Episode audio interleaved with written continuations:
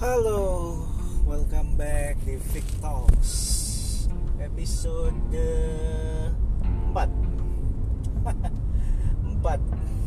nggak tahu ya gue lagi seneng podcastan. Kayaknya di sini gue bisa jujur aja jadi jadi jadi diri gue sendiri. Dan hari ini hari apa? Jumat tanggal 1 Maret awal Maret di mana ini udah eh, bulan ketiga ya di 2019 dan gue barusan pulang dari bikin SPT tahunan SPT badan. Gile. Ngerjain SPT badan ya tiap tahun itu yang bikin bingung itu adalah ada aja aplikasi yang baru terlepas dari peraturan perpajakan yang sering berubah tapi tools yang dipakai tiap tahunnya juga ternyata berubah. Tapi gue rada amazed amazed banget tadi begitu lihat ada yang namanya e-form. E-form itu uh, ternyata uh, ya kita download itu dari Evin. Lalu ini download loh ya. Download lalu lantas kita isi di offline. Ya gue pikir itu ngisinya offline gitu ya.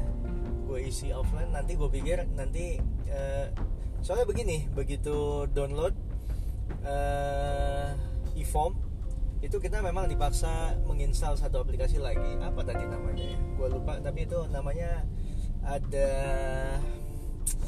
ada embel-embel IBM gitu deh. Nah, di situ begitu diinstal baru kita bisa buka e-form yang kita download yang kita udah download dari Evin ya. Dari eh sorry. Iya, iya Evin ya betul.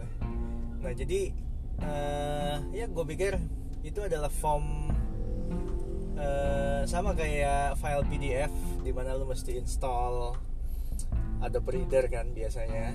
Baru lu bisa buka atau misalnya lu buka dari browser uh, either Microsoft Edge atau atau uh, Chrome atau Mozilla mungkin gitu ya. Kalau lu nggak punya Adobe Reader ya lantas gue pikir ini hal yang sama gitu kan.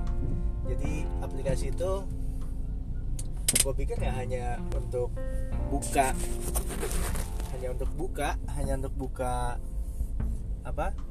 Untuk buka e-form gitu kan. Gue pikir begitu.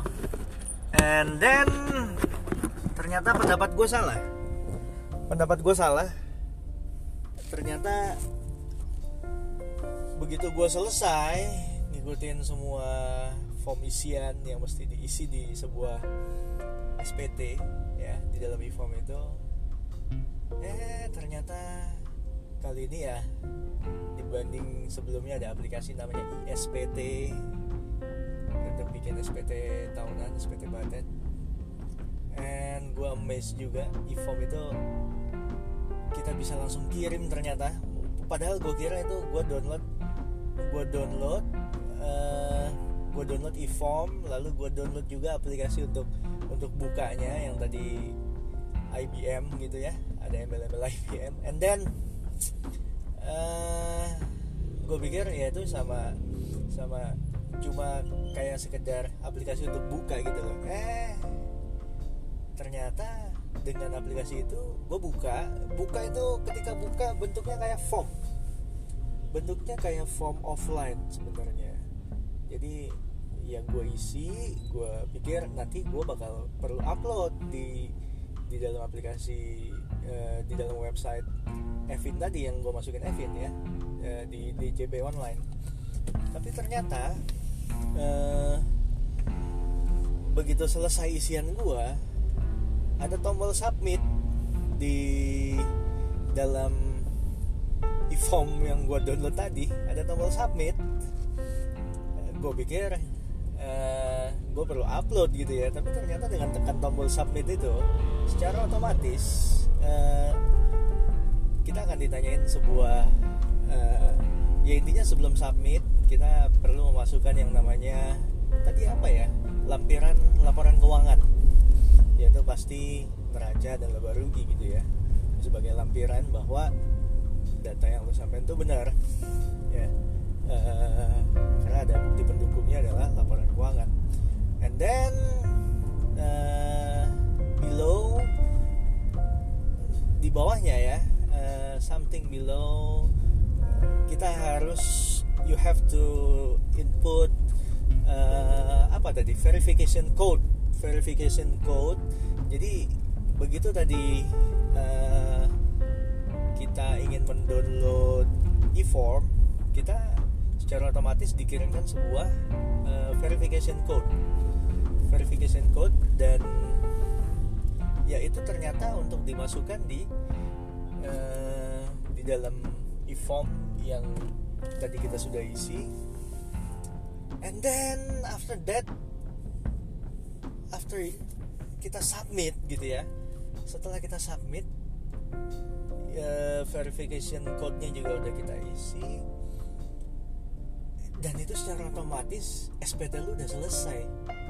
Gila gue pikir ini lebih mudah dibanding ISPT yang mesti perlu upload upload lagi kadang mesti mesti lapor uh, offline juga gitu ya. Tapi ya gue tetap perlu lapor offline karena gue mesti ngajuin yang namanya surat keterangan bebas uh, potongan PPH 23 ya nah jadi gue tetap perlu bawa bukti lapor gue tadi yang secara elektronik beserta lampiran-lampiran lainnya termasuk laporan keuangan gitu ya.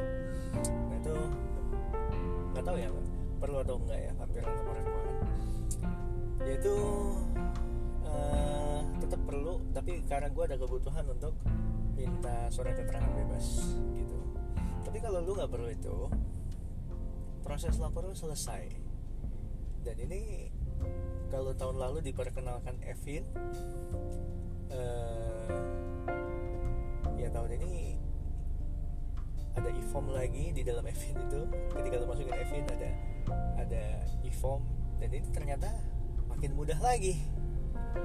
Wow salut deh buat DJP yang terus-terusan berinovasi buat apa buat kita lapor pajak lebih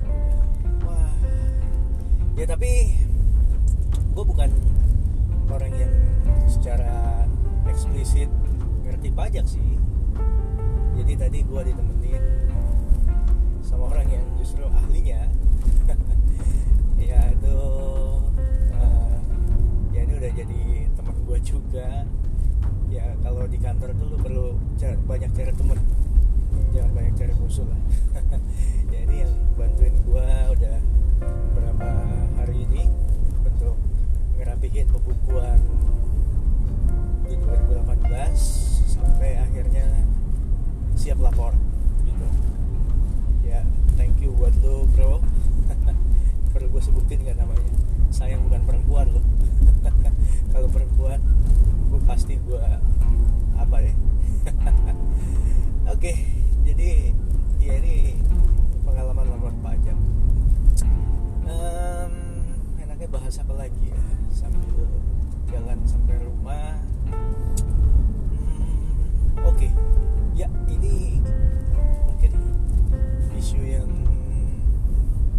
yang sama lah. Yang umumnya kejadian di revolusi industri 4.0 ya. Di mana semua sudah hampir semua elemen kita dipaksa untuk bukan dipaksa harus beradaptasi lah. Walaupun dipaksa gitu ya. Beradaptasi dengan yang namanya uh, ini udah masuk di eranya IoT Internet of Things di mana semua semua elemen itu memang harus beradaptasi untuk uh, digital ya tadi kita sempat bahas uh, between me and ya gue sebutin deh nama lo Chandra.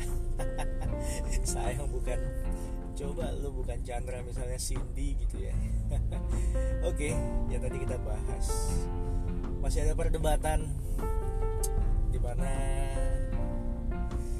uh, ada yang masih beranggapan caranya sekarang itu adalah cara terbaik untuk untuk survive let's say in conventional way.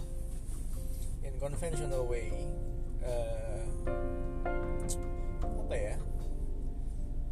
Ya ya karena memang nggak semua orang bisa dipaksa sih menurut gue. Ya kalaupun gue bisa ngomong begini dari sisi gue pro ke digital. Ya karena memang dari dari 2013 2014 ya gue udah mulai masuk di sini gitu kan. Jadi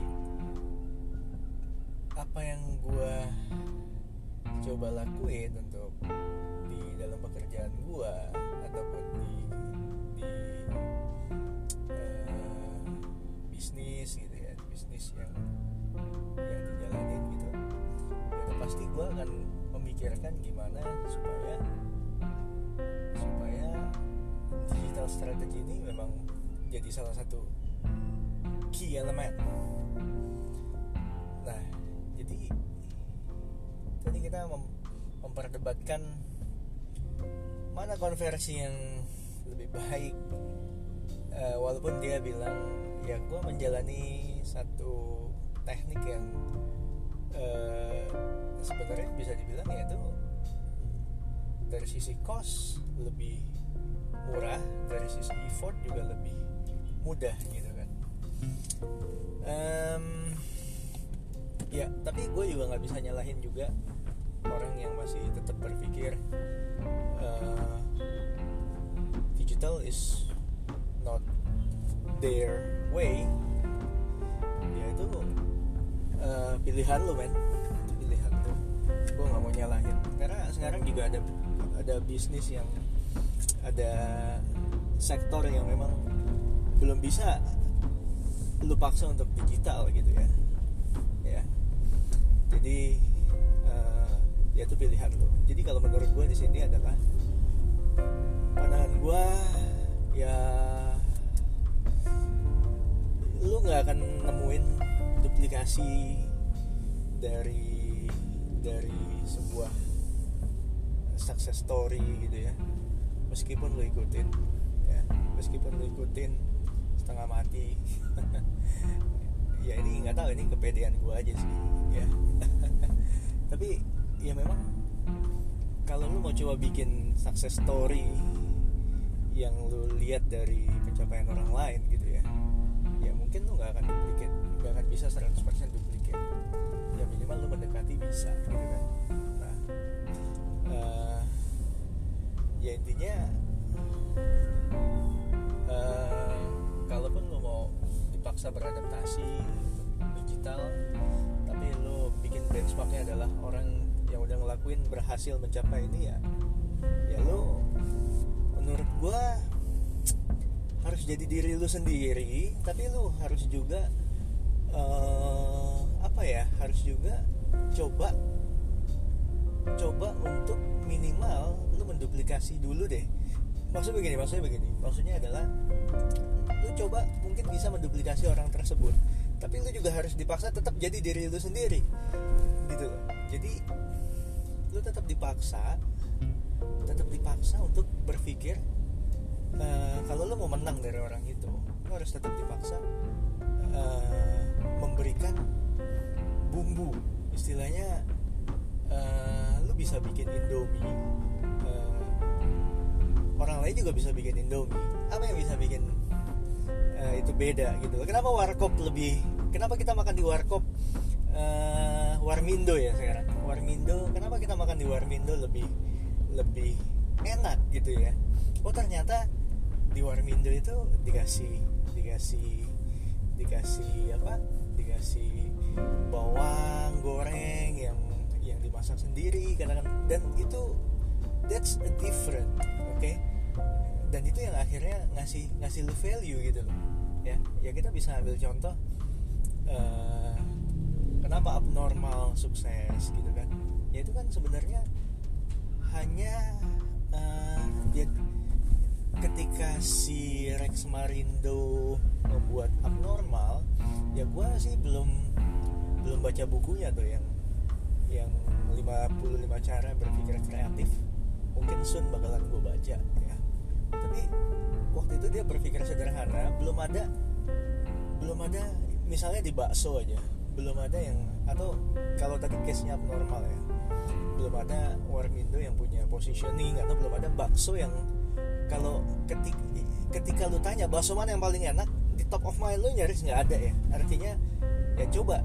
Kemarin tuh akhirnya mau coba buat uh, masuk ke segmen yang sebenarnya belum ada. Belum ada di uh, istilahnya belum ada yang menancapkan positioning yang kuat di situ.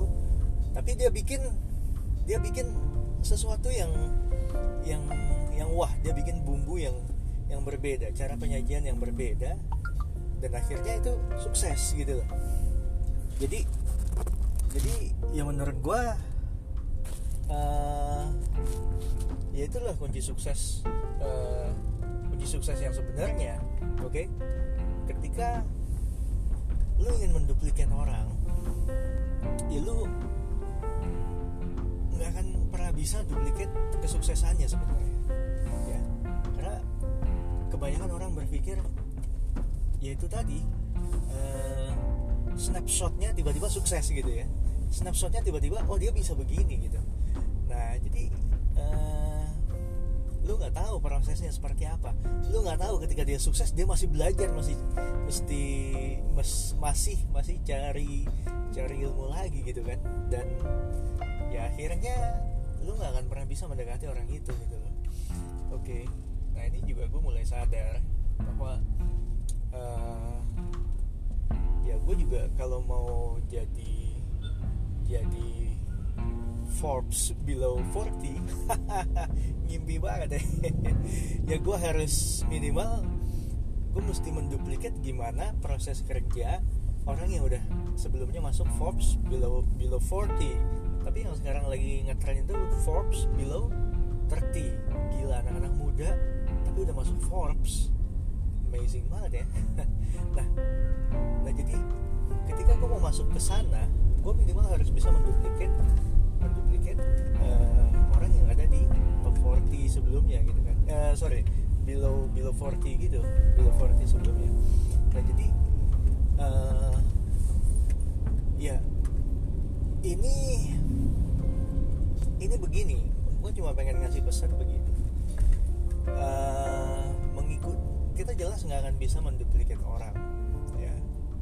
Kita harus tetap dipaksa jadi e, menduplikat ya menduplikat perlu. Tapi kita nggak akan pernah bisa menyamai 100% gitu kan.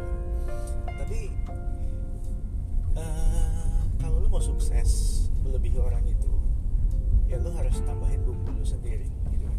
Nah ini kan yang yang jadi masalah. Terkadang banyak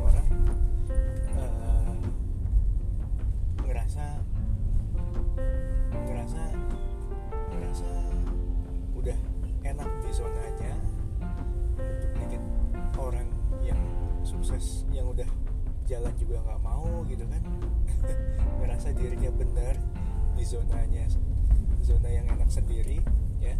Jadi eh, kayak tadi kita balik lagi ke mana digit kapan atau seberapa penting orang untuk adaptasi di, di digital atau tetap mempertahankan konvensional. Itu balik lagi ke pilihan.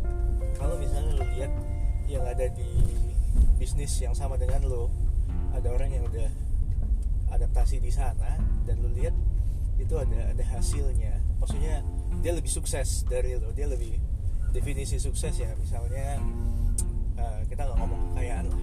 Dari hasil dulu deh. Apa yang dihasilkan eh, let's say more better than you. Ya, minimal ya duplikat dulu. Minimal ada kemauan dari lu untuk duplikat atau kalaupun lu nggak mau duplikat create something. Create something yang more bigger than him or her artinya lu butuh agak sedikit nyeleneh. Nyeleneh tapi nyeleneh yang boleh dibilang ya nyeleneh yang terukur lah. Nyeleneh yang terukur. Ya tapi yang disayangkan malah banyak pelaku yang ngerasa dirinya tuh udah di zona yang benar udah di zona yang nyaman. Nggak maksudnya di zona yang nggak perlu nggak perlu ke sana gitu kan. Ya gue khawatir aja dulu kita kan pernah lihat gimana Yahoo sekarang. Perusahaan sekelas Yahoo aja ya boleh dibilang uh, agak sedikit menyesal dulu. Menyesal dulu nggak jadi dibeli Google gitu kan. Nggak.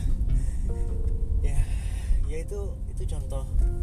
Gitu lah artinya lu mau ke digital atau lu mau tetap konvensional itu balik ke ke seberapa besar sebenarnya uh, keinginan lu sebenarnya. Itu aja sih itu aja. Jadi uh, seberapa besar keinginan lu dan sebenarnya boleh dibilang juga uh, ya memang tidak semua semua jenis bisnis bisa lu digitalin gitu kan. Nggak semua bisnis bisa lu digitalin tapi men kalau lu udah ketemu satu satu benchmark yang memang memang ada di sana dan dia bisa bisa survive dan dan make money di situ dan ternyata lo nggak adaptasi ya gue nggak nggak tahu yang mesti disalahin siapa nih. Yang mesti disalahin ya otomatis orang yang nggak ikut ke situ kan sih ya kan? Ya jadi mengenai digit tetap konvensional atau digital ya kita akan balikin lagi ke orangnya artinya uh, kalaupun lo mau menduplikat lo nggak akan tetap juga nggak akan bisa me, me, me, apa melewati kalau lu nggak ngasih bumbu gitu kan. Ya kayak contoh banyak ya contohnya banyak banget. Waktu Gojek booming eh, banyak banget yang yang yang industri sejenis ngerasa bisa digital marketing ngerasa bisa bikin aplikasi bikinlah aplikasi ojek-ojek lainnya gitu kan. Tapi yang mereka lakukan just duplicate. Just menduplicate. Dan and then Gojek keep keep grow keep uh, innovating and ya pada akhirnya Gojek yang paling bisa manfaatin datanya itu menjadi sebuah uh, produk produk yang akhirnya menjadi menjadi demand juga dari orang-orang yang menjadi data yang awalnya cuma Gojek doang cuma cuma antar jemput uh, naik motor gitu kan. Nah jadilah aplikasi Gosen ternyata orang yang sering naik motor butuh juga dari kebiasaannya atau dari behaviornya itu uh, mengi apa istilahnya dia naik gojek tapi untuk kirim barang. Oh ternyata ada keperluan untuk gosen. And then yang paling gila sih pada akhirnya gojek bikin go live gitu kan. Ya itu kelebihan gojek. Ya dia udah menciptakan satu positioning yang yang oke okay gitu ya. Maksudnya yang yang sulit di duplicate lagi gitu. Jadi kalau lu cuma bisa menduplikat ya minimal lu bisa bisa eksis gitu ya. Menduplikat ya waktu itu kan taksi-taksi itu sempat eksis juga. Tapi kalau untuk uh, untuk survive atau untuk win ya lu perlu perlu jadi diri lu sendiri menurut gua gitu kan. Perlu jadi diri lu sendiri. Oh ya itu uh, ya ini terlepas dari yang namanya uh, siapa duitnya lebih banyak gitu ya. Itu udah faktor uh, faktor X lah itu udah faktor lain yang menurut gue ya.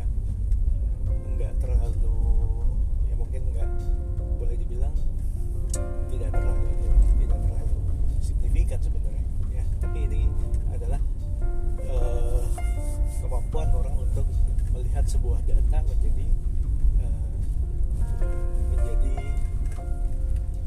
inovasi gitu. Um, Oke, okay, jadi kalau tadi diskusinya seru juga ya. Ada orang yang masih nahan di konvensional, ada yang digital. ya, gue tetap di digital ya gue tetap di digital marketing karena uh, ya karena gue memang senang di sini itu aja sih. Dan memang selama yang gue jalanin memang masih relevan dengan digital yang masih relevan uh, untuk dapat result dengan digital marketing ya gue akan terus jalanin gitu. Ya terlepas dari apa pun omongan orang. Ah, tapi gue udah gak peduli banyak lah. Ya 25 menit. Waduh lama banget deh. Akhirnya gue juga udah sampai rumah sebentar lagi. Uh, ya tadi seru juga lah ngobrol ngobrolin ini. Jadi ada yang masih seneng jalanin konvensional ya terserah. Tapi kalau impian lu adalah uh, ya kalau di di produksi jenis lu udah ada yang ngelakuin cara yang yang efektif di digital dan lu nggak nggak coba duplicate atau minimal lu nggak coba duplicate. Ya waktu itu yang tadi kalau analoginya Gojek ada nggak yang jalan waktu itu? Sempat jalan. Ada yang sempat jalan. Bisa dapat order nggak? Bisa dapat dapat dapat ini nggak? Dapat uh, pemasukan nggak? Dapat pemasukan gitu kan. Tapi sampai pada akhirnya Gojek create sebuah barrier. Nah ini ada yang namanya uh, establish an entry barrier ya ini gue baca di di buku apa ya terakhir gue baca uh, ya ini ketika di sebuah bisnis ada yang sudah mengcreate entry barrier yang kuat itu sulit bagi bagi uh, pesaing yang baru mulai untuk untuk coba compete di segmen yang sama gitu. Nah, jadi kesimpulannya apa? Ya kesimpulannya udah. Gua akhirnya sampai rumah. ya kesimpulannya ya buat lo yang masih senang di konvensional ya jalanin aja tapi uh, lu tolong perhatiin sekeliling lu dulu gitu ya. Jangan sampai jangan sampai jangan sampai pada satu titik lu dianggap udah udah terlalu tua gitu loh. Maksudnya ya karena lu nggak mau berubah gitu kan. Lu ya sekarang kalau segmen lu adalah milenial lu punya produk segmen lu adalah milenial dan lu datengin uh, mereka lewat lewat lewat misalnya produk lu produk digital lu datengin mereka lewat lewat uh, katakan door to door oke okay. lu tawarin semua orang tanpa lu tahu mereka itu sebenarnya siapa gitu kan. Nah itu itu cara malah buang-buang biaya satu. Dua cara itu adalah buang-buang waktu lu juga gitu kan. Karena kan lu random kok lu random sampling kirim lu nawarin orang itu tanpa tanpa tahu mereka siapa. Apakah akan ada closingnya lebih ada ada closing nggak? Bakalan bisa tetap closing nggak? Ya bisa aja. Tapi begitu lu menemukan orang yang atau segmen yang pas dengan produk yang lu jual gitu kan. Nah itu itu itu contoh satu kasus di mana kalau lu transform itu ke digital ya lu bisa dengan gampang ya lu kan pasti punya produk lu udah pasti tahu uh, produk itu lu mau jual ke mana profil demografi apa yang atau demografi yang seperti apa yang bisa cocok dengan produk lu gitu kan? Nah itu di digital menurut gue itu jauh lebih efisien dan lebih jauh lebih efektif. Artinya lu bisa tinggal tentuin orang siapa saja yang diperbolehkan melihat produk lu. Dan uh, demografinya lu bisa setting gitu kan. Nah jadi inilah yang yang membedakan cara cara uh, mana yang lebih ya mana uh, grup digital mana grup konvensional. Oke okay, itu dulu deh di podcast gue kali ini. Apa nama podcastnya? Victox ya gue udah sampai rumah. Dan ya gue seneng hari ini SPT gue kelar berarti tinggal bagi-bagi. Apa yang mau dibagi? Enggak lah. Oke uh, itu aja. Di malam yang hujan dingin mantep banget. Buat langsung tidur. 30 menit. Wow. Amazing. Oke sampai ketemu di next podcast. Sampai ketemu di next podcast ya semuanya buat lo yang udah dengerin thank you ya gue juga lebih ringan kalau biasa habis podcastan agak ringan ya karena apa yang jadi pikiran apa yang jadi apa yang pengen gue share lewat kata-kata ya ini tercurahkan biasanya Oke, selamat malam. Uh, sampai ketemu di next podcast.